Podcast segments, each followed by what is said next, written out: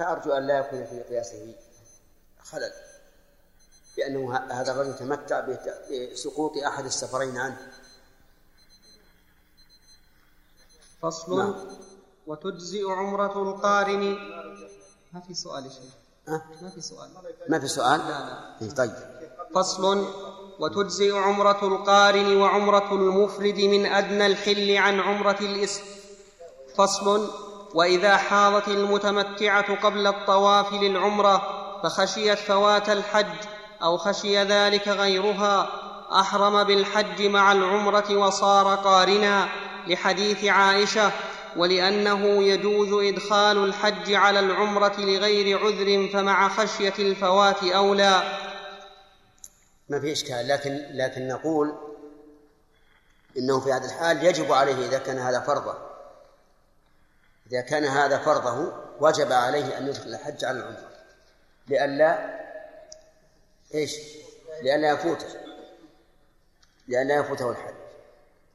وعلى هذا فالفائدة من هذا الفصل هو أنه إذا كان ال- الذي أحرم بالعمرة يخشى فوات الحج وهذا هو فرضه فإنه يجب عليه أن يدخل الحج على العمرة ويصير قارنا أما إذا لم يكن هذا فرض فرضه فإنه إن شاء بقي على عمرته ولو فاته الحج لأنه تطوع.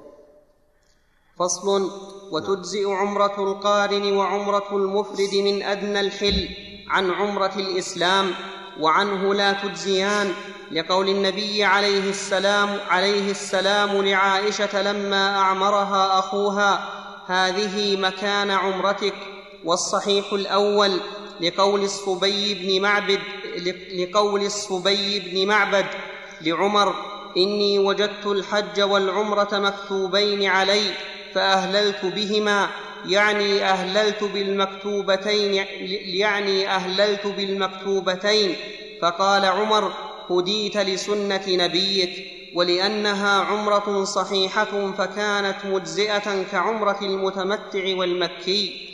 ولأن الحج مع تأكيده يجزئ الإحرام به من مكة فالعمرة من أدنى الحل أولى. وأما حديث عائشة فهو حجة على إجزاء إحدى العمرتين وأما حديث عائشة فهو حجة على إجزاء إحدى العمرتين المختلف فيهما ولا حجة فيه على عدم الإجزاء في الأخرى. لأنه إنما أعمرها من التنعيم تطييبا لقلبها لما سألته ذلك ولم يبدأها به. هذا صحيح. ووجه ذلك أن الرسول عليه الصلاة والسلام قال طوافك في البيت وبالصفا والمروه يسعك لحجك وعمرتك. فدل هذا على أن العمرة الأولى صحيحه وباقية. لكن قال هذه مكان عمرتك تطيبا لقلبها. لأنها قالت يا رسول الله ينصرف الناس بحج وعمرة وأنصرف بحج. ومراده بذلك مراده بإيش؟ العمرة المستقلة. وأما العمرة التي دخلت في الحج وصارت بها قارنة فهذا ليس مرادا. نعم. جاءت الأسئلة؟ اي نعم نعم. رجحنا في مسألة آه، من تمتع من أخر من أخر الهدي نعم. إلى قابل. هل هو على قول ابن عباس؟ لا صحيح أن أن من أخره لعذر يذبحه متى متى ذكر كالصلاة المفروضة. وليس عليه أن يذبح هدية. آه، جملة معترضة يقول سيارة شفر. والله ما تبين. ما تبين لي هل هو إحرام بالعمرة أو إحرام بالحج أو طلوع الفجر. نعم. بارك الله حديث عائشة معنا وهو قولها ولم يكن فيه من ذلك هدي ولا صوم ولا صدقة نعم. ما نص في مسألة أن ليس عليه ما هو ظاهر؟ الظاهر المراد هدي يعني هدي جبران. ظاهر المراد هدي الجبران فصل ويسن للمحرم التلبية. وذلك لأنه ما هي صدقة على القارئ على القارئ ولا على المتمتع. ما في إلا هدي أو صيام. لا الظاهر الظاهر إنه المراد هدي الفدية. لأن هدي الفدية هو اللي فيه ثلاثة ففدية من صيام أو صدقة أو نسك الله أكبر. هدي التمتع. لا يجوز تقديمه على يوم يوم النحر. وأما الصوم فيجوز تقديمه من حين الإحرام بالعمرة. أليس كذلك؟ طيب. فيه قول ثاني في الهدي وهو ظاهر تعليل الموفق رحمه الله وهو مذهب الشافعي أنه يجوز تقديم الهدي على يوم النحر. كالصوم. وقد استحسنه بعض العلماء المعاصرين لئلا يضيع اللحم في أيام منى. وأفتى بذلك استحسانا. وهذا حسن لا شك لكن يعكر عليه أن النبي صلى الله عليه وعلى آله وسلم قال إن معي الهدي فلا أحل حتى أنحر. ولو كان النحر جائزا لنحر ليحل وتطيب نفوس أصحابه. وإلا القول هذا جيد لولا لولا النص. والإنسان مأمور باتباع النص. والحسن ما دل عليه النص. ولعل الحكمة من ذلك والله أعلم. ليتحقق كون يوم النحر يوم نحر ويتحقق كون أيام التشريق أيام أكل وشرب وذكر لله عز وجل. نعم. فصل. ناصر.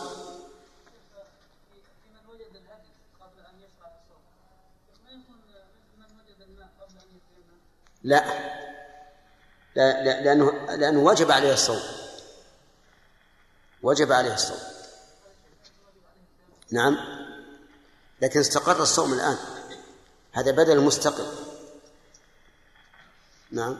شيخ بارك الله فيكم من قال بوجوب دم المتعة الدم على القارن هل له ان يستدل بقول النبي صلى الله عليه وسلم ولولا أني صدت الهدي لاحلم؟ نعم. يقول إنه وجه دلاله أنه لو كان غير واجب لما لازم النبي صلى الله عليه وسلم أن يمضي فيه، كان رجل يصلي السنة؟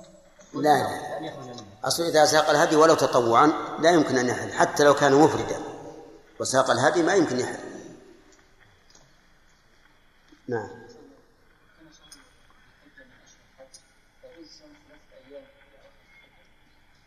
لا. يعني قال في الحج. ومعلوم إنه ينتهي الحج بأيام التشريق. نعم. فصل ويسن للمحرم التلبية لأن النبي عليه السلام لبى ورفع صوت. صلى الله عليه وسلم. أعدل وش عندكم أنتم؟ صلى الله عليه وسلم أحسن. لأن الرافضة يقولون في علي عليه السلام.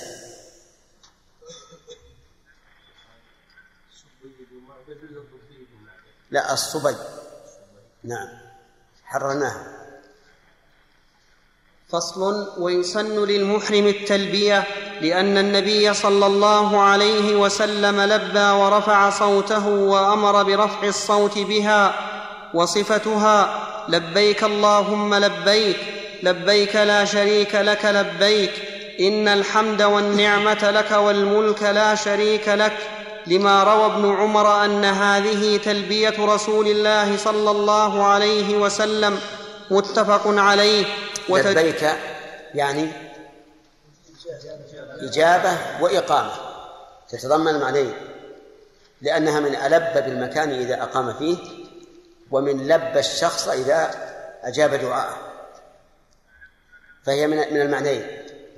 وثنيت لمطلق التكرار وليس بقصد حقيقة التثنية. والإنسان يلبي ربه في كل طاعة يعملها. لو سألت لو سئلت لما لما توضأت؟ قلت إجابة لله لما صليت؟ فلا حصر للتلبية بمرتين فهي مثنات يقصد بها إيش؟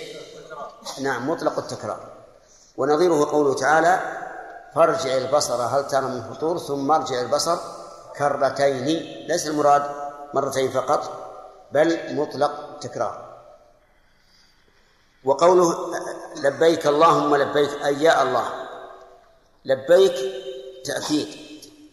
لبيك لا شريك لك. هذا تحقيق فيه تحقيق الإخلاص. لأن نفي الشريك أو نفي الشركة لتحقيق الإخلاص. وهذا من النفي المتضمن للإثبات. فليس نفيا محضا أيضا بل هو نفي يتضمن الإخلاص. إن الحمد والنعمة لك يروى أن الحمد ويروى إن الحمد والكسر أحسن لأنه أعم وأشمل. إذ لو قلت لبيك أن الحمد لقيدت التلبية بكون الحمد له يعني لأن له الحمد. فإذا كسرت صارت الجملة استئنافية فتكون أعم. يعني لبيك في كل حال. نعم. المعنى إن الحمد والنعمة لك في كل حال. سواء لبيتك لبيتك أم أم لم ألبك. إن الحمد والنعمة لك والملك. الحمد وصف المحمود بالكمال والنعمة الفضل. والله عز وجل يحمد على ما له من صفات الكمال وما له من من الفضل والإنعام. والملك بالضم أو بالنصب. يجوز يجوز الوجهان لأن لأن إن استكملت العمل في قوله لك. وقال وقد قال ابن مالك وجائز رفعك معطوفا على منصوب إن بعد أن تستكمله فيجوز والملك بالضم ويجوز والملك بالنصب. فعلى النصب تكون معطوفة على اسم إن وعلى الرفع تكون مبتدأ والخبر محذوف والتقدير والملك لك ولا شريك لك في التأكيد للإخلاص. وقول المؤلف إنها سنة هذا أحد الأقوال في المسألة. وفي قول آخر أنها أنها واجب تجبر بدم. وفي قول ثالث أنها ركن لا ينعقد الإحرام إلا بها كتكبيرة الإحرام. والأقرب والله أعلم أنها سنة سنة مؤكدة ورفع الصوت بها كذلك. لكن للرجال فقط أما النساء فلسن ممن يطلب منهن رفع الصوت. وقول رحمه الله آه نعم. هذه تلبية رسول الله صلى الله عليه وعلى آله وسلم. ثم قال كمل. وتجوز الزيادة لأن عمر زاد. عليها. زيادة عليها؟ نعم. وتجوز الزيادة عليها. وتجوز الزيادة عليها لأن عمر لأن عمر زاد. لبيك ذا النعماء والفضل الحسن. لبيك مرهوبا ومرغوبا إليك لبيك. وزاد ابنه ما عندي لبيك. مرهوبا إليك. لبيك. عندكم زيادة؟ ما عندي. لا ما أخ... أنتم أقول نسخكم جماعة واحد؟ نعم. وزاد ابنه لبيك وسعديك والخير بيديك لبيك والرغبة إليك والعمل. وزاد أنس لبيك حقا حقا. تعبدا ورقا وسمعهم النبي صلى الله عليه وسلم فلم ينكر ولا تستحب الزيادة. هذا يحتاج إلى تخريج الحديث. من يخرجه لأنه مهم. هذا الحديث مع حديث التلبية. سامح. ولا تستحب الزيادة لاقتصار النبي صلى الله عليه وسلم عنها أو عليها. عليها. لا الاقتصار لاقتصار النبي صلى الله عليه وسلم عنها. حتى النص عندكم عنها طيب. وقال قال جابر لعله والله أعلم أراد المؤلف لعدم زيادة النبي صلى الله عليه وسلم عنها. لكن سهى وهذا من المسائل يا إخواني الذي كنت أقررها واستنكرها بعض الناس. وهو جواز الشيء دون مشروعيته. نعم. جواز الشيء دون مشروعيته. فهنا المؤلف يقول يجوز الزيادة والصحابة أيضا استعملوها زادوا لكن مع ذلك لا تستحب هذه الزيادة مع أن الرسول أقرها. نعم. وقررنا هذه القاعدة وذكرنا لها أمثلة. منها قصة الرجل الذي بعثه النبي صلى الله عليه وسلم في سرية فكان إذا قرأ إيش؟ يختم قل هو الله أحد. فبلغ ذلك النبي صلى الله عليه وعلى آله وسلم ولم ينكر عليه. لكن هل شرع ذلك للأمة؟ لا. لا بقوله ولا بفعله. ومنها قصة سعد بن عبادة في استئذانه أن يجعل مخرافه صدقة لأمه. فأذن له. لكن هل شرع للأمة أن يتصدق الإنسان عن أمه بعد موتها؟ نعم. لا. وكذلك أيضا الرجل الذي قال إن أمي افتلتت نفسها ولو تكلمت تصدقت أفأتصدق عنها؟ قال نعم. ولكن لم يشرع ذلك للأمة. أيضا هذه التلبية كان لا يزيد على التلبية التي يلبي بها ويسمع أصحابه يزيدون ولم ولم ينكر عليه. ولكن هل يشرع أن نزيد كما زادوا أو أن نقتصر على ما قاله الرسول؟ الثاني بلا شك. لأن الرسول هو الأصل في الأسوة. نعم. قال جابر وأهل الناس بهذا الذي يهلون ولزم رسول الله صلى الله عليه وسلم تلبيته رواه مسلم. ويستحب أن يصلي على النبي صلى الله عليه وسلم بعدها لأنه موضع شرع فيه ذكر الله تعالى فشرع فيه ذكر رسوله كالأذان ثم يسأل الله هذا قياس ما هو صحيح. هل كل ما شرع فيه ذكر الله يشرع فيه ذكر الرسول؟ بل في بعض المواضع يكره أن يذكر الرسول. عند الذبح تقول بسم الله. ويكره أن تصلي على الرسول عليه الصلاة والسلام. عند الوضوء تقول بسم الله ولا تقول اللهم صل على محمد. فشوف الآن قياس الشبه ضعيف جدا. يعني قياس الشبه معناه إذا شابه الشيء الآخر ولو في صورة واحدة جعله قياسا مضطردا. وهذا فيه نظر. لكنه ورد في حديث فيه نظر أنه يصلى بعد التلبية النبي صلى الله عليه وسلم. ثم يسأل الله ثم يسأل الله الجنة ويستعيذ من النار ويستحب ذكر إحرامه في تلبيته لقول أنس. هذا أيضا ورد في حديث لكن في صحته نظر. وليت الإخوة يخرجون لنا حديث الصلاة على النبي وحديث سؤال الجنة والإستعاذة من النار. طيب أحمد الغامدي. أيهن الصلاة على النبي ولا كلها؟ كلها اثنين؟ بارك الله فيك. طيب. ويستحب ذكر إحرامه في تلبيته لقول أنس سمعت رسول الله صلى الله عليه وسلم يقول لبيك عمرة وحجا متفق عليه. وقول ابن عباس قدم رسول الله صلى الله عليه وسلم وأصحابه وهم يلبون بالحج. قال أحمد إذا لبى القارن بدأ إذا لبى القارن بهما بدأ بالعمرة لحديث أنس وقال أبو الخطاب لا يستحب ذكر الإحرام فيها. والصحيح أنه أنه يستحب أن يذكر إحرامه وأن يقول لبيك اللهم حجا إن كان مفردا لبيك اللهم عمرة إن كان متمتعا. لبيك اللهم عمرة وحجا إن كان قارنا. إظهارا لشعائر الله عز وجل. وليس هذا من باب الرياء. وإنما هو من باب التأسي برسول الله صلى الله عليه وعلى آله وسلم. نعم.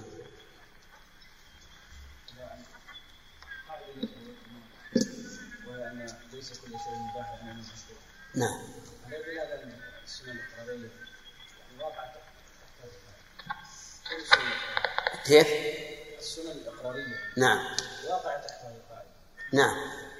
السنة الإقرارية إذا إذا إذا إذا شرع الرسول صارت سنة بقوله. أما هذه لولا إقرار الرسول على هذا كان بدعة. يعني لولا أن الرسول أقر هذا الرجل وأقر سعد بن عبادة وأقر الرجل الثاني وأقر الصحابة على ما زادوا في التلبية لكان هذا بدعة السنة الإقرارية لم يفعلها المسلم ولم يقل نعم. كيف؟ السنة الإقرارية نعم.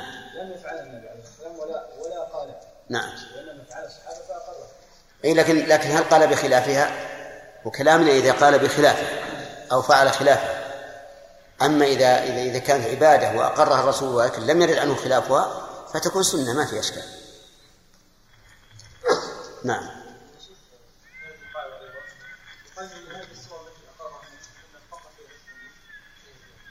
هي هذه بعد مشكلة. يعني هل لنا أن نزيد نحن أيضا على التلبية؟ إن قلنا بالسعة وقلنا ما دام الرسول أقر جنس الزيادة فليزد الإنسان ما شاء بشرط لا يكون فيه معارضة لنص إما مثل شرك أو ما أشبه ذلك. وإن قلنا بأن بأن لا نزيد على ما أقر الرسول صلى الله عليه وسلم الصحابة عليه فهو أحسن. وهو أولى. والأولى بلا شك الاقتصار على تلبية النبي صلى الله عليه وسلم. لكن قد روى الإمام أحمد بسند صحيح أنه كان يقول لبيك إله الحق عن النبي صلى الله عليه وسلم. فإذا زاد هذه الكلمة أحيانا فهو طيب. نعم. نعم عبد الله. الله خير. بالنسبة للذي يترك مثلا صيام ثلاثة الأيام مثلا من غير عذر إلى انتهى إلى أن انتهت أيام التشريق فهل نقول له صم وأنت آثم بعدها وإلا إلا هو آثم بالتأخير لا شك. على على أنه بمقتضى القاعدة أن من ترك شيئا مؤقتا بلا عذر حتى خرج وقته فإنه لا يقبل منه نقول لو لو صمتها لا لا يقبل منك. ثلاثة. ثلاثة؟ طيب. ويستحب البداء فصل ويستحب البداءة بالتلبية إذا ركب راحلته. لقول ابن عباس أوجب رسول الله صلى الله عليه وسلم الإحرام حين فرغ من صلاته فلما ركب راحلته واستوت به قائمة أهل أي لبى ويستحب رفع الصوت بها لما روي عن النبي صلى الله عليه وسلم أنه قال أتاني جبريل فأمرني أن آمر أصحابي أن يرفعوا أن يرفعوا أصواتهم بالإهلال. حديث صحيح ولا يجهد نفسه في ذلك لئلا ينقطع صوته فتنقطع تلبيته ولا ترفع المرأة صوتها إلا بقدر ما هذا أقول هذا تعليل لا بأس به لكن هناك دليل أصح. أن الرسول عليه الصلاة والسلام لما رفع الصحابة أصواتهم بالذكر قال أيها الناس أربعوا على أنفسكم يعني ارفقوا بها. وليس المؤلف استدل بذلك.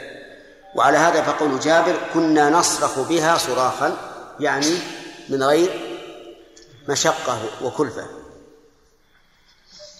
يقولون يقولون الجو حر إيش؟ يقولون الجو حر يعني انتهينا ما بقي شيء. لا حول ولا قوة إلا بالله. وكان الإنسان أكثر شيء جدلا. نعم. أقرأ شيء. أي هيك. ولا ترفع المرأة صوتها إلا بقدر ما تسمع رفيقتها لأنه يخاف الافتتان بها ويستحب الإكثار منها لأنها ذكر ولأنه يروى عن رسول الله صلى الله عليه وسلم رحمهم الله. هم المربون حقيقة. يعني المرأة لا تجهر ولا بالذكر. الذي تتعبد به لله وتتقرب به إليه خوفا من من الفتنة. فما بالك بالنساء اليوم؟ ترفع المرأة صوتها حتى في غير الذكر مع أن الفتنة في الوقت الحاضر أشد من الفتنة في عهد الصحابة بلا شك. ولهذا ينبغي لنا أن نبين للنساء أن المرأة وإن لم يكن صوتها عورة على القول الراجح لكن المشروع في حقها أن تخفض الصوت في كل مجالات الكلام. إلا إذا لم يكن عندها إلا نساء مثل أن تقوم بخطبة أو موعظة في سرة النساء فهذا لا, لا شك أنه جائز. نعم. ولأنه يروى عن رسول الله صلى الله عليه وسلم أنه قال ما من مسلم يضحي لله يلبي حتى تغيب الشمس إلا غابت ذنوبه فعاد كما ولدته أمه. رواه ابن ماجه. ويتأكد استحبابها في ثمانية مواضع. نعم. عندنا إلا غابت بذنوبه إيه، و- وماذا قال؟ قال ذنوبا إلا غابت ذنوبه. لا بذنوبه.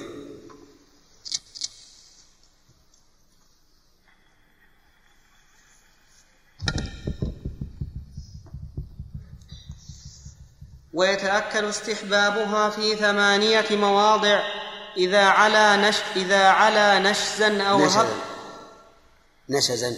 فتح الشين. نعم كسر الشين. إذا علا نشزا أو هبط واديا أو تلبس بمحظور ناسيا وفي دبر الصلوات المكتوبات وإذا التقت الرفاق وفي إقبال الليل والنهار وبالأسحار لأن النخعي قال كانوا يستحبون التلبية دبر الصلوات المكتوبة وإذا هبط واديا وإذا علا نشزا وإذا لقي راكبا وإذا استوت به راحلته ولأن في هذه الم... ولأن في هذه ال... ولأن في هذه المواضع ترتفع الأصوات ويكثر الضجيج. وقد قال النبي صلى الله عليه وسلم أفضل الحج العج والثج وهو حديث غريب والعج رفع الصوت والثج إسالة الدماء. وحكم التلبية دبر وحكم التلبية دبر الصلوات حكم التكبير في أيام عيد النحر. وتجزئ التلبية مرة واحدة لعدم الأثر في تكرارها. ولا بأس بالزيادة لأنها زيادة ذكر وتستحب التلبية في المسجد الحرام ومنى وسائر مساجد الحرم وبقاعه لأنها مواضع النسك ولا يستحب إظهارها في مساجد الحل وأمصاره لما روي عن ابن عباس أنه سمع رجلا يلبي بالمدينة فقال إن هذا لمجنون إنما التلبية إذا برزت.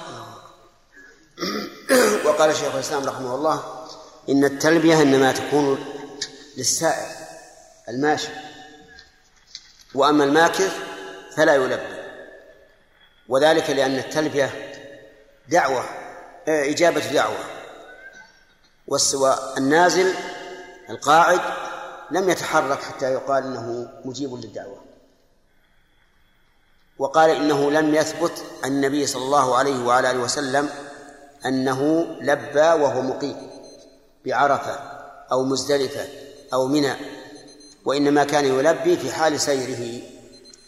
لكن قد ثبت عن النبي صلى الله عليه وسلم أنه لم يزل يلبي حتى رمى جمره العقبة. فمن أخذ بهذا العموم قال إنه يلبي في حال سيره وفي حال إقامته. وهذا هو ظاهر كلام المؤلف. نعم. الأحاديث أعطناها لما روى عن لما روى عن اي نعم. لا هذا اذا إذا لم يكن محظور يا عبد الله. قال هات هات ال- ولما روى عن ابن عباس أنه قال من تمتع من تمتع فلم يهدي إلى قابل يهدي هديين. من؟ من تمتع آه. فلم يهدي إلى قابل يهدي يهدي هديين. نعم. أنت؟ يلا. كمال.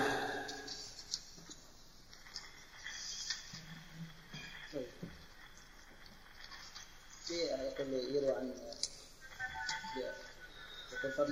ويجب على ذم لأنه يروى عن ابن مسعود ترى ما بعد انتهى الدرس فيه أسئلة. لأنه يروى عن ابن مسعود وابن عمر رضي الله عنه إيش؟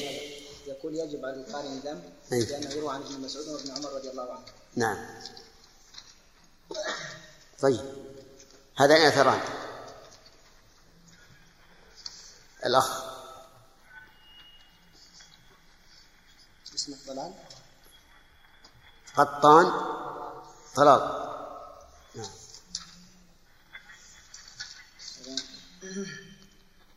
يقول نعم. يروى عن رسول الله صلى الله عليه وسلم أنه قال ما من مسلم يضحي لله يلبي حتى حتى تغيب الشمس إلا غابت بذنوبه. تخالف يعني ما في سنة تخالف لا اريد يكون مشروع يعني. مو بشرط. ما يحصل الآن. نعم.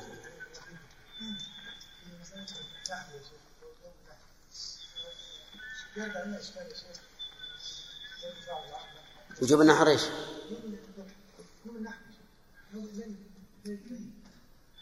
ليلة العيد ها وش فيه؟ وش فيه؟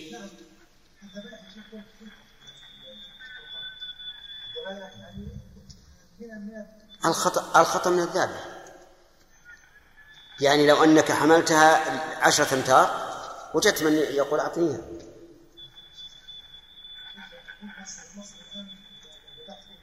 أي ما قلنا لا. ها؟ اي اي لا تخلط يا محجوب لا لا الأضحية يمكن يعني الإحاطة بها. الهدي لا بأس لأن حقيقة مع أن الهدي إذا أمكن أنت اللي تذبح بنفسك أحسن. نعم محمد. إيه. ثلاثة ثلاثة. نعم. إيه. نعم. نعم. الفرق أن إذا رجع إلى بلده انقطع السفر. وأنشأ سفرا جديدا. ما ينقطع ما زال مسافر شيخ فيه آه، الأخ عادل. حديث آخر. آه، عندكم أسئلة اليوم؟ نعم حضرتك. تفضل. شيخنا ما حكم المتمتع الذي ليس معه هدي ولم يتمكن من صيام أيام في الحج؟ يصومها إذا رجع ثلاثة وسبعة عشر.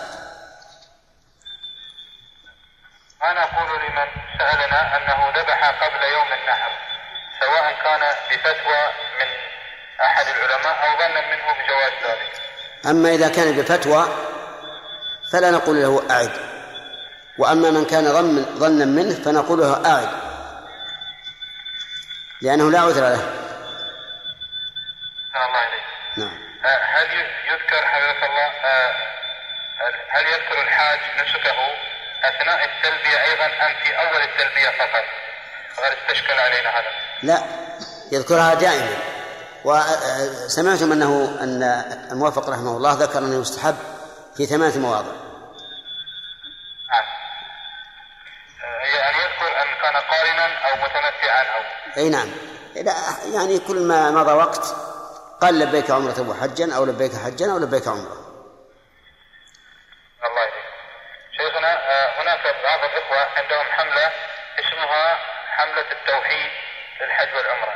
فهل يجوز أن يضعون هذا الاسم على أغطية ال- الفرش والمخاج وهكذا؟ على كل الكلمة هذه ليس فيها شيء من التعظيم لكن معناها يعني ربما يأتي إنسان مثلا ويقول شوف التوحيد يفترشونه ويجعلونها لحافا وما أشبه ذلك. فلا فلا أرى أنها تبقى على على ما ذكرت. تكون على الخ- الخيمة مثلا لا بأس. أما على الفرش لا. وإن كانت اللفظة نفسها ما, ما, ما هي محترمة. لكن أخشى المعنى. المهم لا يضعونها على الفرش ولا على إي نعم. بالنسبة في المطر. نعم. آه، ما هو الحد الذي يعني من المطر الذي يجمع عنده؟ عندكم مطر أنتم؟ اليوم؟ نعم عندكم مطر؟ الحمد لله عندنا مطر غزير والحمد لله. اليوم؟ نعم من أيام حضرة الله. ما شاء الله. لكن اليوم أشده. لا. على كل حال ال- العلماء قالوا هو الذي يبل الثياب وتحصل معه مشقة. نعم المشقة حفظك الله تكون لبعضنا أم يعني للكل؟ لا مو للكل. إذا كان للأكثر. إن كان للأقل من كبار السن الغالبية لا هؤلاء يقال صلوا في بيوت- في بيوتكم. ولا تهجروا المساجد من أجل واحد أو آه، بالنسبة أيضا حفظك الله للجمع ماذا عن سنة المغرب؟ إذا انتهت صلاة العشاء صلى سنة المغرب وسنة العشاء. الله إليكم بارك الله فيك. أظن انتهى النصاب. جزاك الله خير نعم السلام عليكم. السلام وبركاته نعم. إيش؟ اقرأ بسم الله الرحمن الرحيم. الحمد لله رب العالمين. وصلى الله وسلم وبارك على عبده ورسوله نبينا محمد وعلى آله وصحبه أجمعين. قال الإمام الموفق أبو محمد رحمه الله تعالى في باب محظورات الإحرام من كتاب الحج من كتاب الكافي. وهي تسعة. أحدها الجماع لقول الله تعالى فمن فرض فيهن الحج فلا رفث ولا فسوق ولا جدال في الحج. قال ابن عباس الرفث الجماع وتحرم المباشرة فيما دون الفرج لشهوة لأنه محرم للوطء فحرم, فحر فحرم المباشرة لشهوه فحرم المباشرة لشهوة كالصيام ويحرم, ويحرم النظر عليه لشهوة. ويحرم عليه عليه النظر. تصحيح شيخ. إيه تصحيح.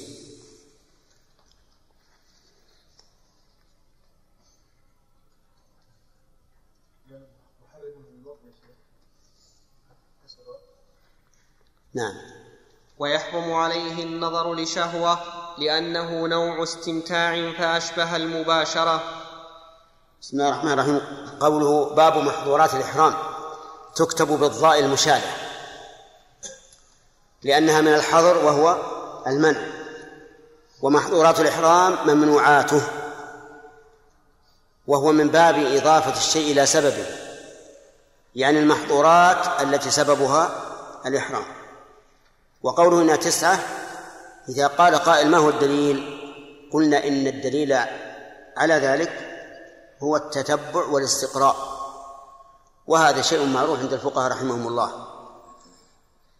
فإن قيل لماذا هذا الحصر في المحظورات؟ قلنا لأن السنة جاءت بمثل ذلك.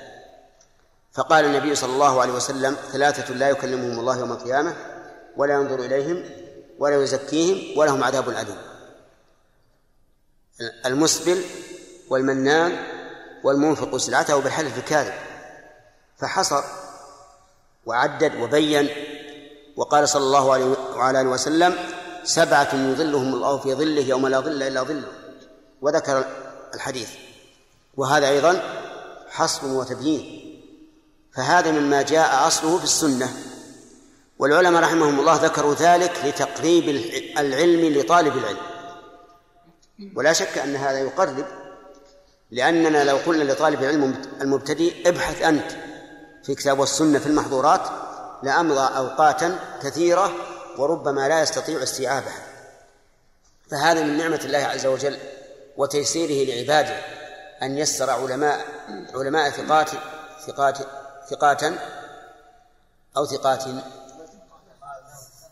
لا بالكسر ثقات جمع ثقة. يسبرون هذه الأشياء ويبينونها الناس. أولها الجماع وهو أعظمها لما يتبين من مما يترتب عليه. ودليل ذلك قوله تعالى فمن فرض فيهن الحج فلا رفث ولا فسوق ولا جدال في الحج. والرفث فسره ابن عباس رضي الله عنهما وهو من أعلم الأمة بالتفسير بأنه الجماع. أما مقدماته فقال إنها تحرم أيضا المباشرة فيما دون الفرج شهوة لأنه محرم للوطي لأنه أي الإحرام محرم للوطي فحرم المباشرة لشهوة كالصيام. يعني كما أن الصيام حرم المباشرة لشهوة كالوطي فكذلك الإحرام. هذا صواب اللفظ لأنه أي الإحرام محرم للوطي فحرم المباشرة لشهوة كالصيام. وكذلك يحرم عليه النظر لشهوة ولو ممن يحل له النظر إليها. وعلل ذلك بأنه نوع استمتاع وهو أيضا ذريعة إلى ما فوقه من مباشرة. والمباشرة مع كونها استمتاعا ذريعة إلى ما فوقها من إيش؟ من الجماع نعم. وتحرم المباشرة فيما دون الفرج انتهى انتهى انتهى. الفصل الثاني عقد النكاح تصحيح تصحيح العبارة يا شيخ. نعم. تصحيح العبارة اللي أنا قرأتها خطأ. لأنه محرم. أي بقرأ بالصحاح أنت؟ أي. خير وتحرم المباشرة فيما دون الفرج لشهوة لأنه محرم للوطء فحرم المباشرة لشهوة كالصيام. ويحرم عليه النظر لشهوة لأنه نوع استمتاع فأشبه المباشرة. الثاني عندي عقد تصحيح في الإملاء إذا رأيتم. قال ويحرم عليه النظر شهوة الهمزة في آخر السطر والنظر في أوله. صحيح؟ إيه، لا غير صحيح. الناحية الإملائية لأن همزة ال كأنها جزء من الجم... من الكلمة. نعم. الثاني عقد النكاح لا يجوز للمحرم أن يعقده لنفسه ولا لغيره ولا يجوز عقده لمحرم ولا على محرمة لما روى عثمان بن عفان أن النبي صلى الله عليه وسلم قال لا ينكح المحرم ولا ينكح ولا يخطب رواه مسلم. ولأن الإحرام ولأن الإحرام يحرم الطيب فحرم النكاح كالعدة؟ هذه قصة غريبة إيش الربط بين هذا وهذا؟ عندنا دليل عن الرسول عليه الصلاة والسلام وهو أنه نهى أن ينكح المحرم أو ينكح أو يخطب فحرم كل ذريعة يمكن أن توصل إلى الاستمتاع ثم إن الإنسان إذا إذا, إذا نكح وهو محرم أين يكون قلبه؟ أين يكون؟ عند أهله. يتلهى بذلك عن عن تكميل النسك وينشغل عن ذكر الله عز وجل. فلهذا سد الباب. وقيل لا ينكح وأيضا الخطبة الخطبة بكسر. الخطبة أيضا حرام. يحرم على على المحرم أن يخطب امرأة. نعم. وإن فعل فالنكاح باطل لأن النهي يقتضي فساد المنهي عنه ولا بأس بالرجعة لأنها إمساك هذه للزوجة قاعدة مهمة النهي يقتضي فساد المنهي عنه. وأظننا ذكرنا لكم في شرح القواعد التفصيل في ذلك. فليرجع إليه. نعم. ولا بأس بالرجعة لأنها إمساك للزوجة بدليل قول الله تعالى فأمسكوهن بمعروف ولأنها تجوز بغير ولي ولا شهود ولا إذنها فلم تحرم كإمساكها بترك الطلاق. الله المستعان يعني معناه قاس الرجعة التي هي رد الزوجة بعد طلاقها على من لم تطلق. وعلى كل حال كما قلت لكم من قبل إن غالب قياساته رحمه الله في هذا الباب كلها من قياس الشبه الضعيف. لكن لا بأس بالرجعة لأنها ليست نكاحا. الرجعة ليست نكاحا. والأصل فيما لم ينهى عنه ما هو؟ الحل. ولهذا أخذوا من هذا قاعدة أن الاستدامة أقوى من الابتداء. وهذا صحيح. والرجعة استدامة. والطيب سبق أنه يسن عند الإحرام ولو بقي بعده وتجديد الطيب بعد الإحرام محرم. إي نعم. فالاستدامة أقوى من الابتداء وي- ويمثل عندنا الآن مثالان في محظورات الإحرام. وعنه لا يحل لأنه عقد وضع لإباحة البضع أشبه النكاح ويجوز أن يشهد هذا هذه الرواية ضعيفة أنها لا تحل مراجعتها في أهل الإحرام. والتعليل بأنها عقد غير صحيح أيضا. لأن العقد لا بد أن يكون بين متعاقدين. والرجعة ليست كذلك. الرجعة من الزوج فقط. يقول راجعت زوجتي ولا و و وسواء رضيت أم لم ترضى نعم. ويجوز أن يشهد في ويجوز أن يشهد في النكاح لأن العقد الإيجاب والقبول وليس للشاهد فيهما شيء. وتكره صحيح. أواصل. إيه وتكره الخطبة للمح وتكره الخطبة للمحرم وخطبة المحرمة. خطبة. خطبة. وتكره الخطبة للمحرم وخطبة المحرم وخطبة المحرمة للخبر. ولا يجب بالت... ومقتضى قوله الخبر أن تكون من فضلك. اقلب الشريط. لأن الحديث واحد. لا ينكح المحرم ولا ينكح ولا يخطب. فكيف نوزعه؟ ونقول النهي في الجملتين الأوليين للتحريم وفي الثالثة للكراهة. الصواب أنها حرام. فإن قال قائل اشتغال الإنسان بعد عقد النكاح أشد تعلقا بالمرأة من الخطبة. قلنا أيضا انشغال الإنسان في الخطبة قد يكون أشد لأن الذي عقد استراح لكن الذي خطب دون أن يعلم ماذا كان ربما ينشغل. هل أطاعوا هل عصوا ماذا يريدون وما أشبه ذلك وربما يتردد عليهم. فالصواب أن خطبة المحرم حرام. نعم. ولا يجب بالتزويج فدية لأنه عقد فسد للإحرام فأشبه شراء الصيد. الله شراء الصيد لم يحرم.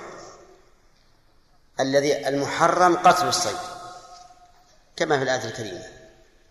لا شراء. ولا تملكه. وأما قول لا يجب التزويج فدية فنحن معه في أنه لا يجب فدية لأنه لم يذكر فيه فدية والأصل براءة الذمة. لكن سيأتينا أنهم أوجبوا في في لبس المخيط وفي الطيب الفدية وعللوا ذلك بأنه للترفه وأظن أن ترفه الإنسان بعقد النكاح له لا سيما إن كان شابا. نعم. أبلغ من أن يلبس ثوبا. وهو عليه إزار ورداء ولذلك يمكن هذا الشاب الذي عقد له النكاح على امرأة كان يرغبها ربما لا. يرى أنه يمشي على الهواء مو على الأرض من شدة الفرح. نعم و نعم. نعم. على كل حال نحن معهم في أنها لا تجب الفدية لأن الأصل براءة الذمة.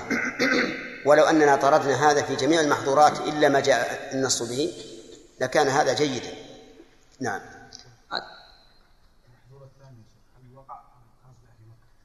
كيف؟ هل بالحج إذا حصل فهو باطل ها؟ وين أهل مكة؟ وين؟ وين؟ لا ين... لا يخطب لينكح المحرم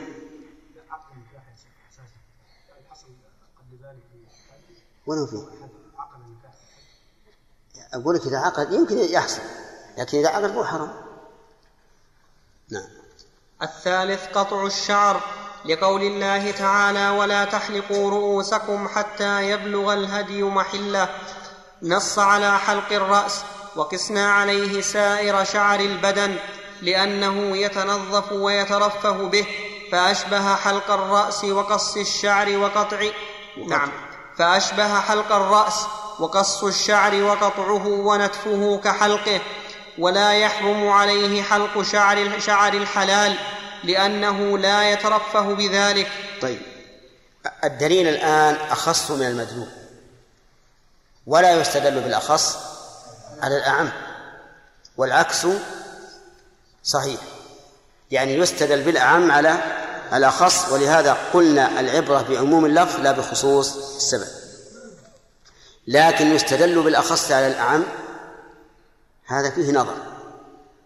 لكن إذا قيل يقاس هذا على هذا ننظر. هل تمت أركان القياس وشروطه؟ فنقبله. هل لم تتم؟ فإننا لا نقبله. فالآن ما هو المنصوص عن عليه من الشعر الذي لا يحلق. الرأس. أليس كذلك؟ طيب. غير الرأس كالشارب والأبط والعانة.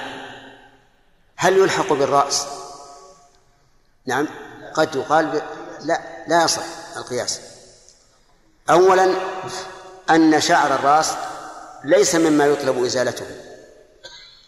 بل قال بعض أهل العلم إن شعر الرأس مما يطلب إبقاؤه بخلاف الشعور الأخرى فإنها مما يطلب إزالتها. فربما يكون قد نسي أن يتنظف بحلق هذه الشعور وإزالتها ثم يذكر وهو محرم فيحتاج إلى ذلك وإن كان ليس ضرورة. ثانيا أن حلق الرأس إنما حرم لأنه يتعلق به نسك وهو التحلل لأنه لن يتحلل إلا بحلق أو تقصير. وأما الشعور الأخرى عجيب. فلا يتعلق بها التحلل يتحلل الإنسان بدون أن يزيله ولهذا ذهب أهل الظاهر إلى أن المحرم إنما هو حلق الرأس فقط دون غيره من الشعور بقي أن يقال هل قص الشعر كحلقه؟ الجواب نعم لا شك أن قصه كحلقه وأننا إذا قلنا لا يحرم إلى الحلق فهذه ظاهرية محضة ليس لها حظ من النظر. وذلك لأن التقصير أيضا نسك. أليس كذلك؟ نسك. فلا يقصر الإنسان ولا يأتي بهذا النسك قبل أن يحل منه منه. طيب لو حلق رأس غيره. محرم. لا يضر. أي نعم. لا يضر. وقد نص عليه المؤلف. ويأثم. وإن خرج في وإن خرج في عينيه شعر أو استرسل شعر حاجبيه فغطى عينيه فله إزالته ولا فدية عليه لأن الشعر آذاه فكان له دفع أذاه من غير فدية كالصيد وإن كان الأذى من غير الشعر كالقمل فيه والقروح برأسه أو صداع أو شدة الحر عليه لكثرة شعره فله إزالته وعليه الفدية لما نذكره. ولأنه فعل المحرم لدفع ضرر ولأنه فعل المحرم لدفع ضرر غيره فلزمته الفدية كما لو قتل الصيد لمجاعة بخلاف من آذاه الشعر. نعم. هذا أيضا صحيح. يعني لو نزل في عينيه شعر وقلنا بتحريم إزالة الشعر من غير الرأس ونزل بعينيه. فإنه فلا بأس أن يزيله. لأن ذلك لدفع أذاه كالصائل عليه. كما أن الصيد وهو مؤكد تحريمه إذا صال عليك ولم يندفع إلا بالقتل فلك قتله. واضح؟ طيب. ومثل ذلك لو نزل شعر الحاجب وكان كثيرا يغطي نظره فله أن يقص منه ما يدفع به الأذى عن نفسه. وأما إذا إذا إذا أزال الشعر لدفع أذى غيره مثل أن يكون في الرأس قمل يستظل بهذا الشعر وأراد أن يحلق الرأس من أجل أن أن يذهب القمل فعليه الفدية. وهذا نص القرآن. قال الله تعالى فمن كان منكم مريضا أو به أذى من رأسه ففدية. وحديث كعب بن عجرة يفسر ذلك حيث يجيء به محمولا إلى رسول الله صلى الله عليه وعلى آله وسلم يوم الحديبية والقمل يتناثر على وجهه من المرض والوسخ فقال ما كنت أرى الوجع بلغ بك ما أرى ثم أمره أن يحلق رأسه ويفتي لماذا؟ لأنه لأننا هنا إنما أتلفنا الشعر لدفع أذى غيره به. ومن هنا أخذ ابن رجب رحمه الله قاعدة في قواعد الفقه. من أتلف شيئا لدفع أذاه لم يضمنه. وإن أتلفه لدفع أداه به ضمنه. فهمتم؟ طيب. آه، رجل صالت عليه شاة. ولم تندفع إلا بالقتل فقتلها. هل يضمنها؟ طيب. آخر جاء. واضطر إلى ذبح الشاة وهي لغيره وأكلها. ففعل. يضمن. الفرق الأولى أتلفها لدفع أذاها والثانية لدفع أذى غيرها أي لدفع أذاه بها. نعم. الرابع. طيب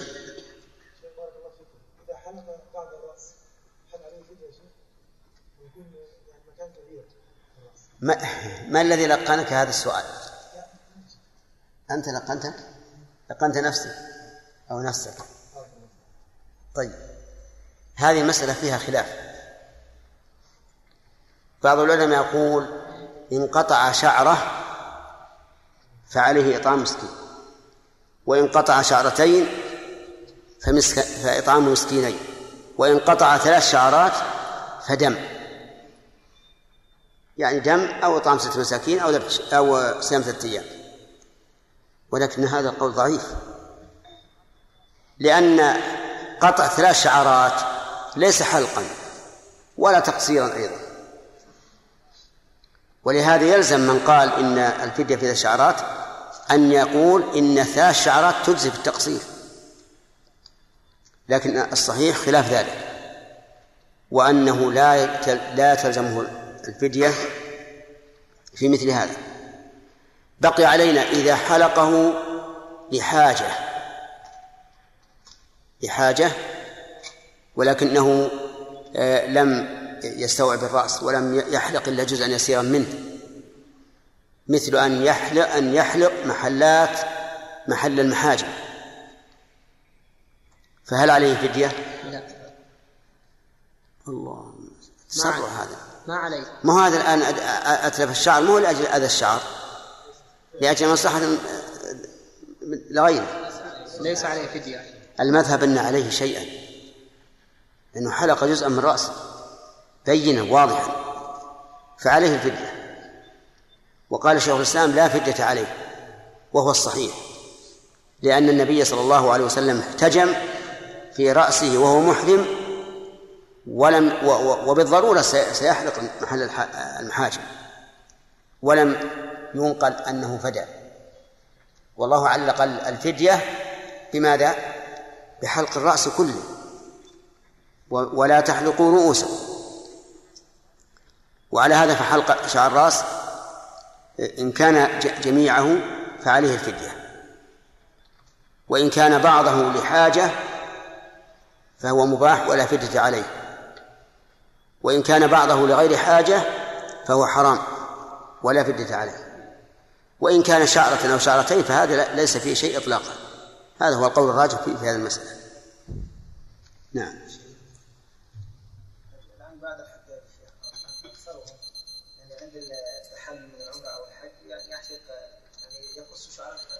هذه فيها قول فيها قول بعض العلماء ولعل علماءهم يفتونهم بذلك.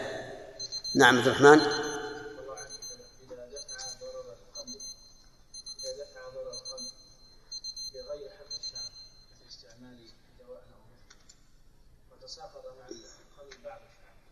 لا بأس.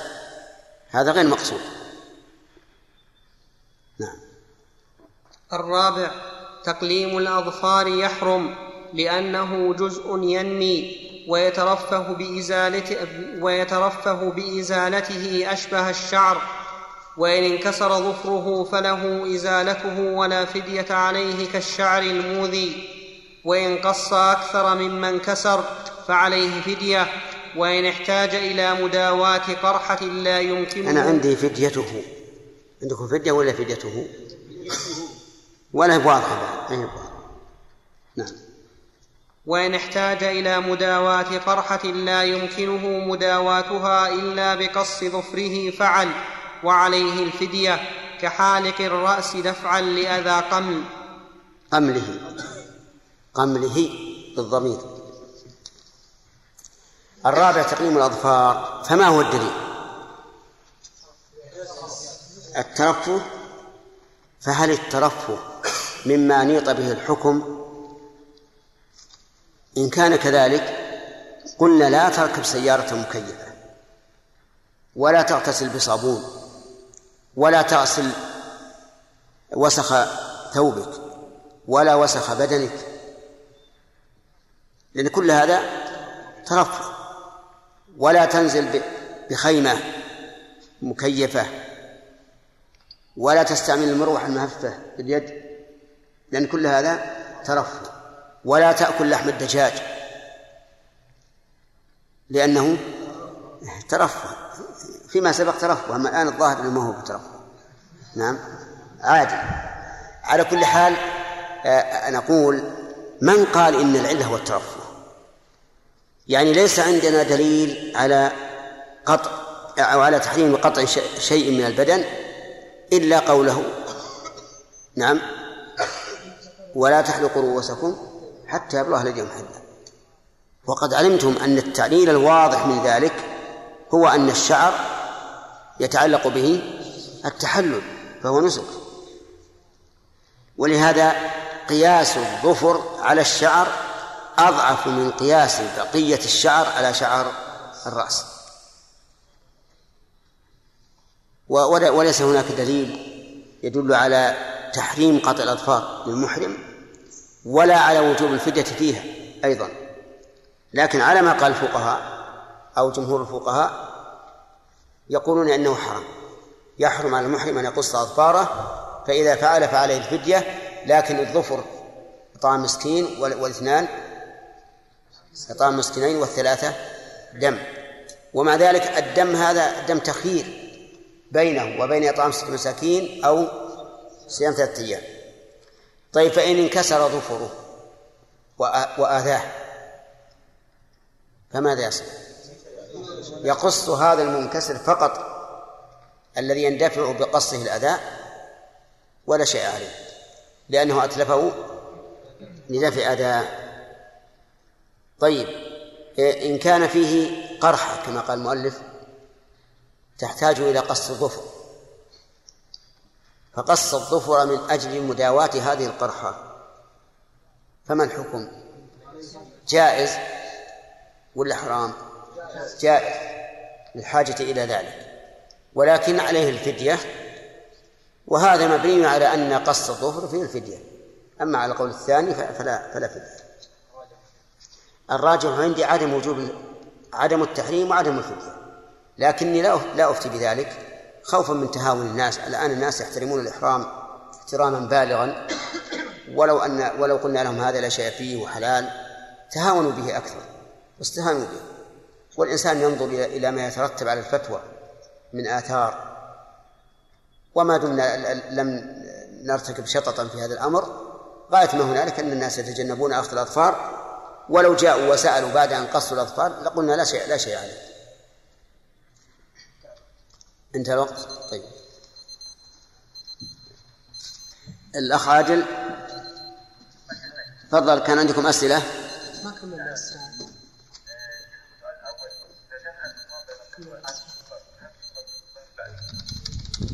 نعم.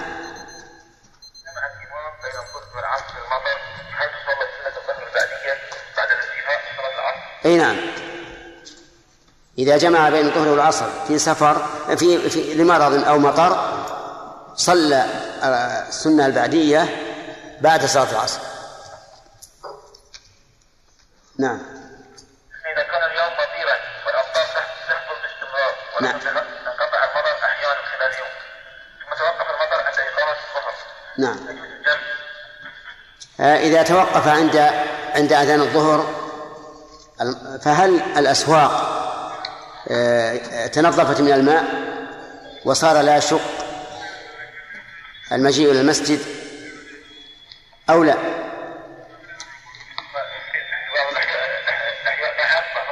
ها. الأحياء التي يقال نعم يقال اجمعوا من أجل الوحي والأحياء التي يقال لا نقول لا تجمع ثم يقول الإمام للجماعة إن نزل مطر يشق عليكم معه الحضور إلى المسجد فصلوا في بيوتكم. نعم.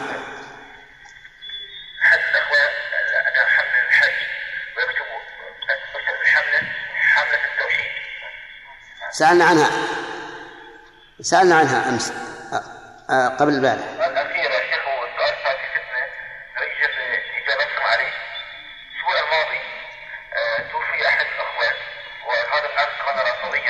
نعم. ثم يعني من الله عليه وأصبح من أهل السنة ومن الشباب السلفي. نعم ومن مساجد الشباب تزوج من أهل السنة وكان مؤذنا بعض الوقت في أحد مساجد أهل السنة لمن أوصى جميع إخوانه على أنه إذا مات يدفن في مقابر أهل السنة وهذه شهادة إخوانه وخادم وأخته وفادا لوصية قام الشباب باستلام جدة مع إخوانه وتم حفظها والصلاة عليها لكن ما اعترض الأخوة وقال يجب أن يدفن في مقابر الرافضة تقولها الأم تقوله أمه الأم نعم إيه. يعني أصرت وتصرف في مقابر في مقابر السنة يجب أن تستلم ولدها وأن يدفن في مقابر الرافضة وقام الأخوة بإنفاذ وصية ومشوا بال- بالجنازة حوالي 150 و 200 متر ولكن أمها أمها تسلمت السوق آه، سور سور ال- المقبرة واختارت جموع الشباب ف- و- ورجعت بالجنازة اي نعم الآن يا شيخ هل ودفن في مقابر الرافضة هل أنفاذ وصيته معنى يعني ذنب على الشباب أو ماذا العمل؟ آه، الإثم على أمه. أمه هي الآثمة. أما الشباب الذي فعلوا ما يقدرون عليه فلا فلا إثم عليه. لأن أمه في الواقع خالفت وصيته. يعني على كل تقدير هي آثمة من جهة مخالفة الوصية. والله عز وجل يقول فمن خاف من موصل جنفا أو إثما فأصلح بينهم فلا إثم عليه. ووصيته هذه ليست جنفا ولا إثما. هو حتى حتى لما النبي ما يعلمون أنه من أهل السنة. والآن الأخ- الاخوه صاروا فريقين. فريق مؤيد وفريق غير مؤيد. فكان يجب دفن في مقابر السنة. وعلى كل حال إذا علمنا أنه من أهل السنة دفناه في- مقابر أهل السنة. نعم. لكن إذا حصل معارضة مثل هذه المعارضة نعم. فنقول مثلا لمن عارض أنتم الآن خالفتم وصية الرجل والرجل مات الآن ووكل الأمر إلى ما إلى إلى الأحياء فكيف تخالف وصيته؟ مرة بهذا الأمر لكن اصابت قال أنا أعلم لكن أريد ابني عندي وين وين ماتت بالبحر هي للحوت؟ هي تعلم إن تموت هنا وتدفن سهلة هذه لو إذا كان هذه علة لو أنت أجبتموها قلت إن الله يقول وما تدري نفس بأي أرض تموت.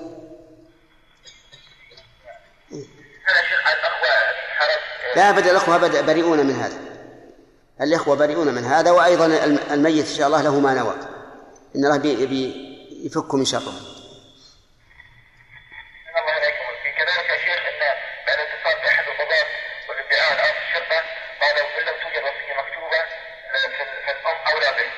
إيه. على كل حال موضوعه انتهى الآن. الأخوة بريئون من كل شيء. بارك الله فيك. طيب. هل يلزم صيام ست شوال ان أن يصوم الإنسان الدين الذي عليه؟ لا يمكن أن يصوم ستة من شوال إلا إذا إذا قضى الدين الذي عليه. لأن الرسول صلى الله عليه وعلى وسلم قال من صام رمضان ومن عليه دين من من- رمضان ما صام رمضان صام بعضه عائشة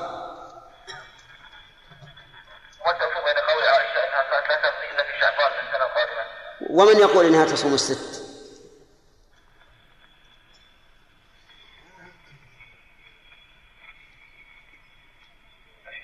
نعم.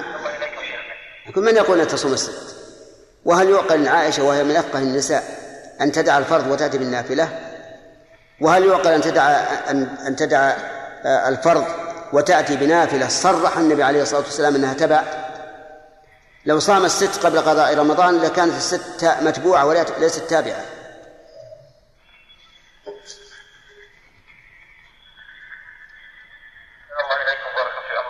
بارك الله فيكم. إذا إن شاء الله إلى إلى الليلة القادمة. عليكم. السلام ورحمة الله. العالمين.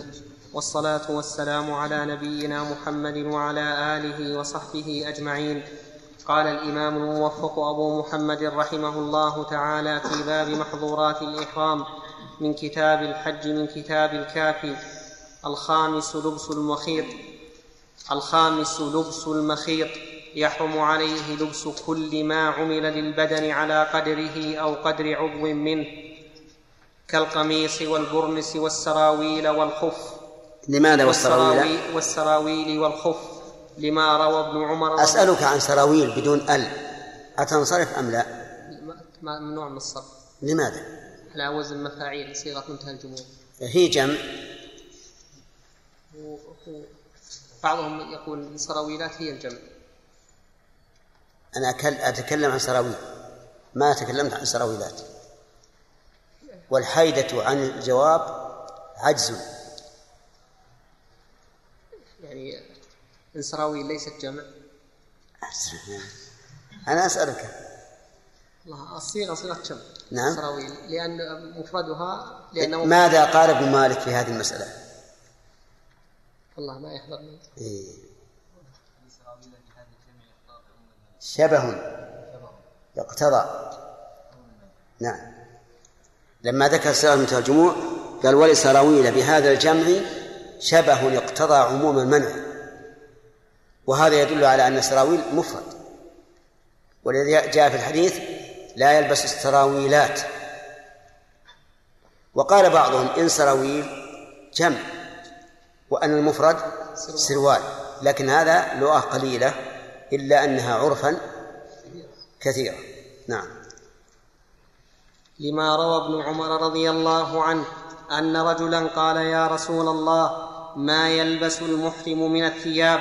قال رسول الله صلى الله عليه وسلم لا يلبسن القميص ولا العمائم ولا السراويلات ولا البرانس ولا الخفاف إلا احدا لا يجد نعلين فليلبس الخفين وليقطعهما أسفل من الكعبين.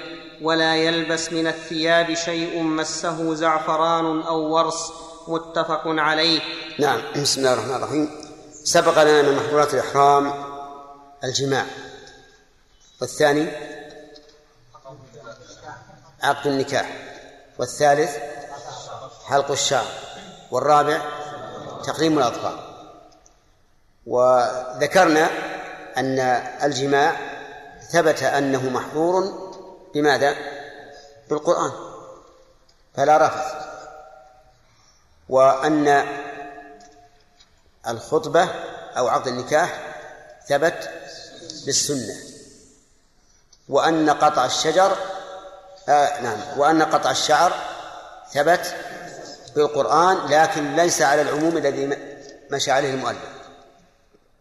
وأن تقليم الأظفار لم يرد به نص. ولكن بقياس على الشعر.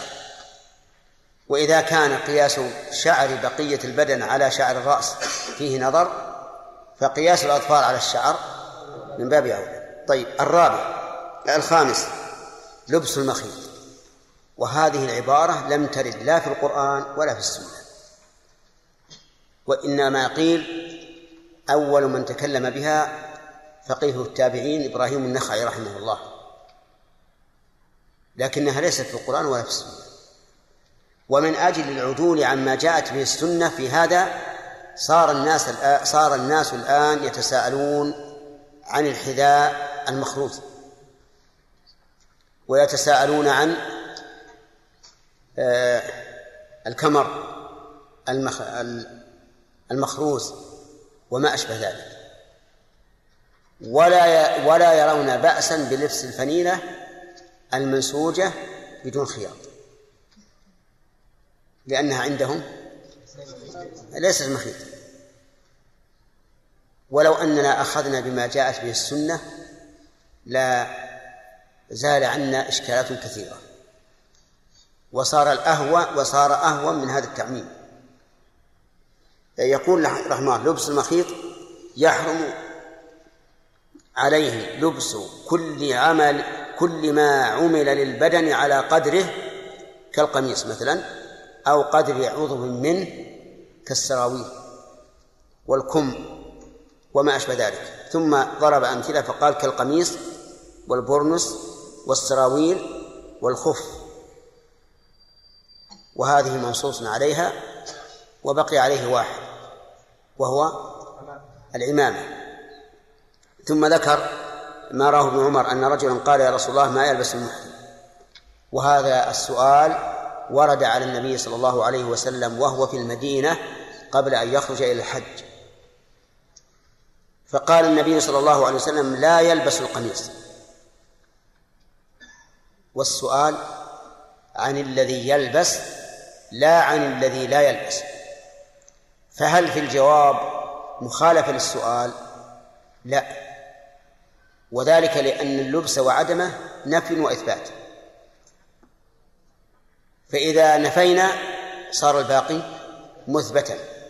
فإذا قيل لا تلبس كذا ولا كذا ولا كذا صار المعنى البس ما سوى ذلك. البس ما سوى ذلك. ومن المعلوم أن ما يلبسه المحرم أكثر مما لا يلبسه. فلهذا عدل النبي صلى الله عليه وعلى وسلم إلى ما يمكن حصره وهو الذي لا يلبس ويكون ما ما لا ما لا يمنع جائزا. وهذا من حسن تعليم الرسول عليه الصلاة والسلام. وأنه أعطي مجامع الكلم واختصر له الكلام. طيب قال لا يلبس ما يلبس من الثياب؟ قال لا يلبس القميص عند القمص جمعا. ولكن المعنى واحد. والقميص هو الدرع. والدرع هو ثياب التي علينا الآن. هذا القميص. والثاني ولا العمائم وهو ما يكور على الرأس. والثالث ولا السراويل. السراويلات عند الجمع. ولا السراويلات. وهي ما يلبس في الرجلين. ويقطع لكل رجل كم. ولا البرانس. السروات عندي السرو بالجمع. اي هذه ما, ما هو معروف. يكون مقطعا بمعنى أنه يجعل لكل رجل كم.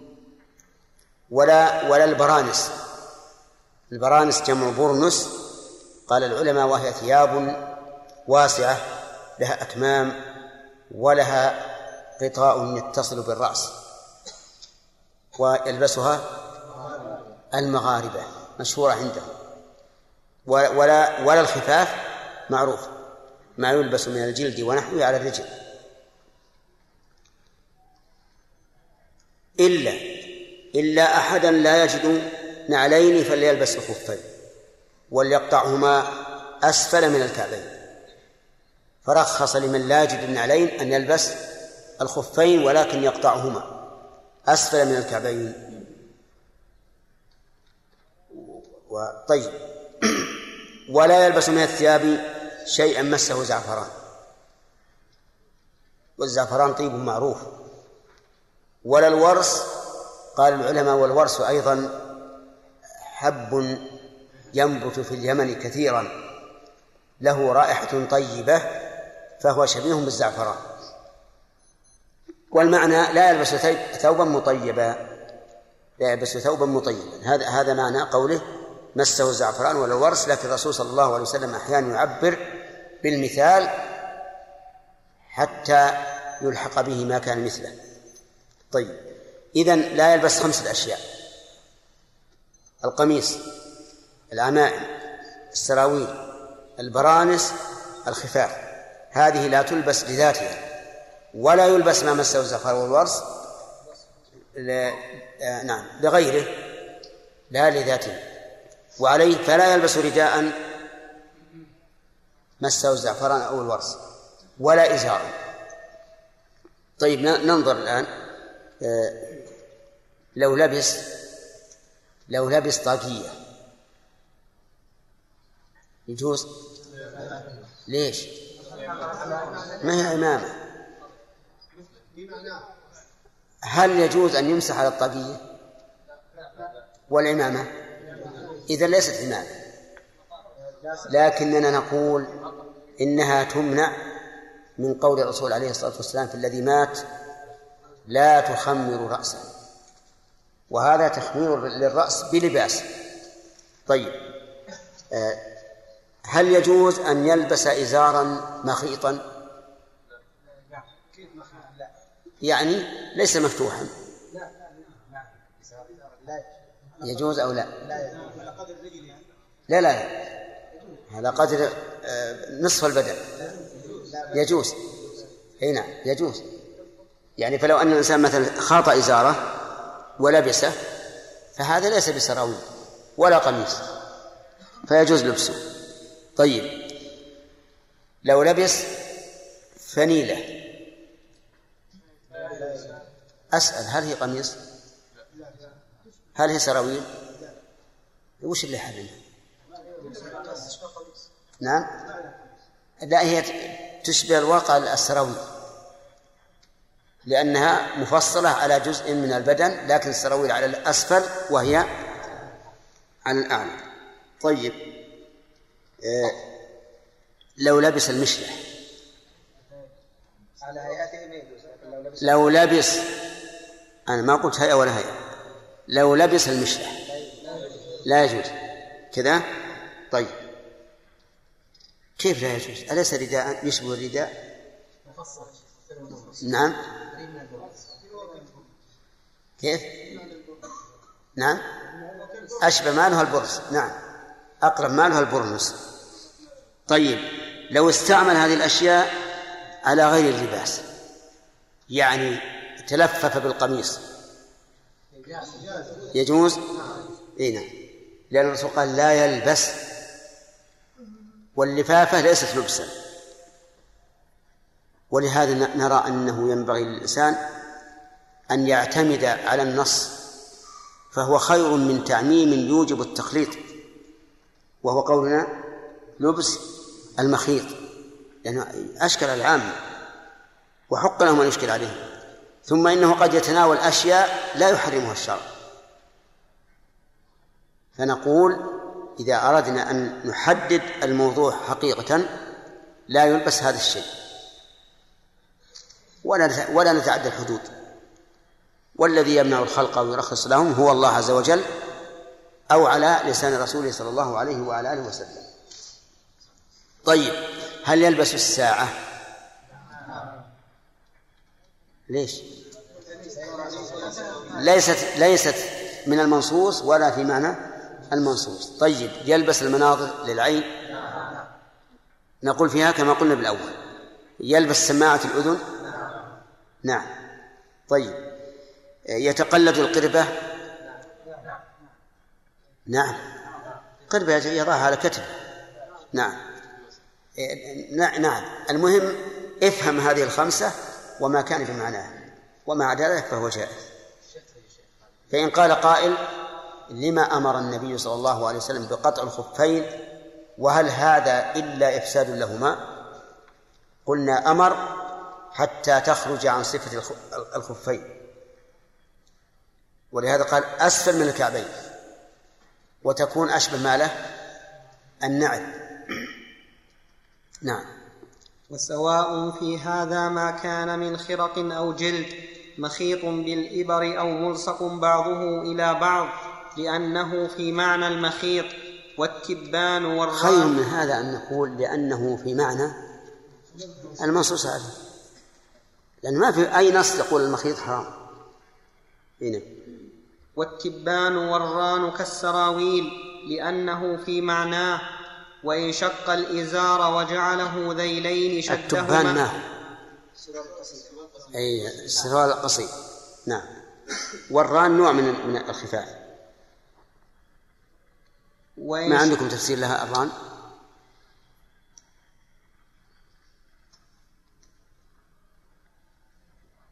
لأن أنا عندي الميران لكن أظن الران.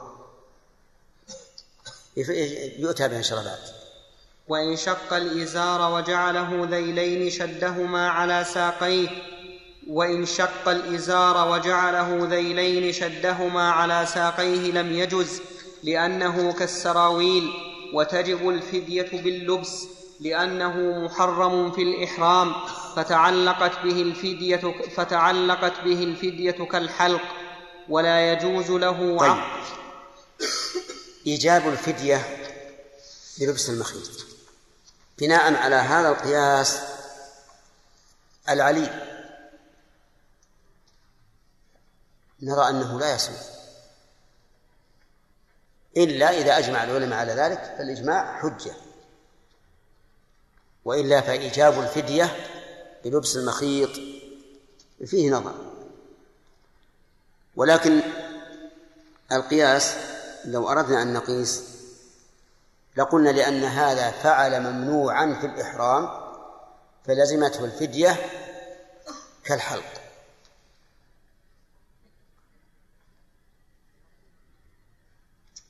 نعم وهو قريب مما قال المؤلف لكن نحن نفتي بلزوم الفدية وهي على التخيير كما تعرفون لئلا يتوانى الناس ويتهاونوا لأنه لأنه لو قيل لا فتة عليكم هان الأمر على الناس. هنا ولا يجوز له عقد ردائه عليه لأن ابن عمر قال لا تعقد عليك شيئا ولأنه يصير بالعقد كالمخيط ولا يجوز له أن طيب يز... هذا فيه نظر. والصواب أنه يجوز أن يعقد الرداء. وما روي عن ابن عمر رضي الله عنهما فهو على سبيل الاحتياط. وعمر وابن عمر رضي الله عنه من أشد الصحابة رضي الله عنه عنهم. فالصواب أن عقد الرداء جائز لكن نظرا للخلاف ينبغي للإنسان أن لا يفعله إلا عند الحاجة. طيب شبكه بدون عقد. ها؟ شبكه بدون عقد. نقول كالعقد. فيكره على ما ذهب إليه المؤلف. وهذا إذا كان الشبك في مشبك واحد. أما ما يفعله بعض الناس يشبك الرداء من عند الحنجرة إلى العانة. ففي جواز هذا نظر. لأن هذا صار كالقميص كالقميص. أما إذا عقده الإنسان ولا سيما عند الحاجة فلا بأس. لأن بعض الناس يحتاج إلى إلى إلى عقده مثل أن يكون هو الذي يتولى الطبخ أو إحضار الشاي أو القهوة أو ما أشبه ذلك. نعم. ولا يجوز له أن يزره عليه ولا يخله بشوكة ولا غيرها ولا يغرز طرفيه ولا ولا يغرز طرفيه في إزاره. لأنه في معنى عقده وله أن يعقد إزاره لأنه يحتاج إليه لستر العورة. ولذلك جاز للمرأة لبس المخيط في إحرامها لكونها عورة وله أن يشد وسطه بعماء نعم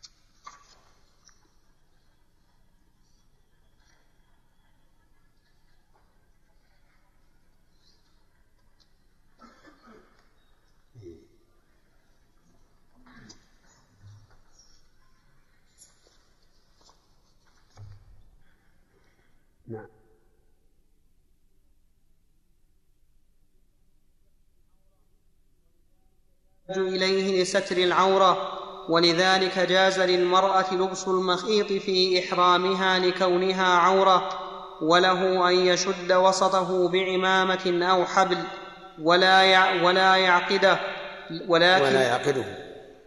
ولا يعقده؟ نعم. ولا يعقده ولكن يدخل بعضه في بعض وله أن يلبس الهميان أو الهميان لا شك أن هذا أقول كله لا دليل عليه. يعني كون الإزار. له أناقدة لأنه يحتاج إليه. ليست العورة.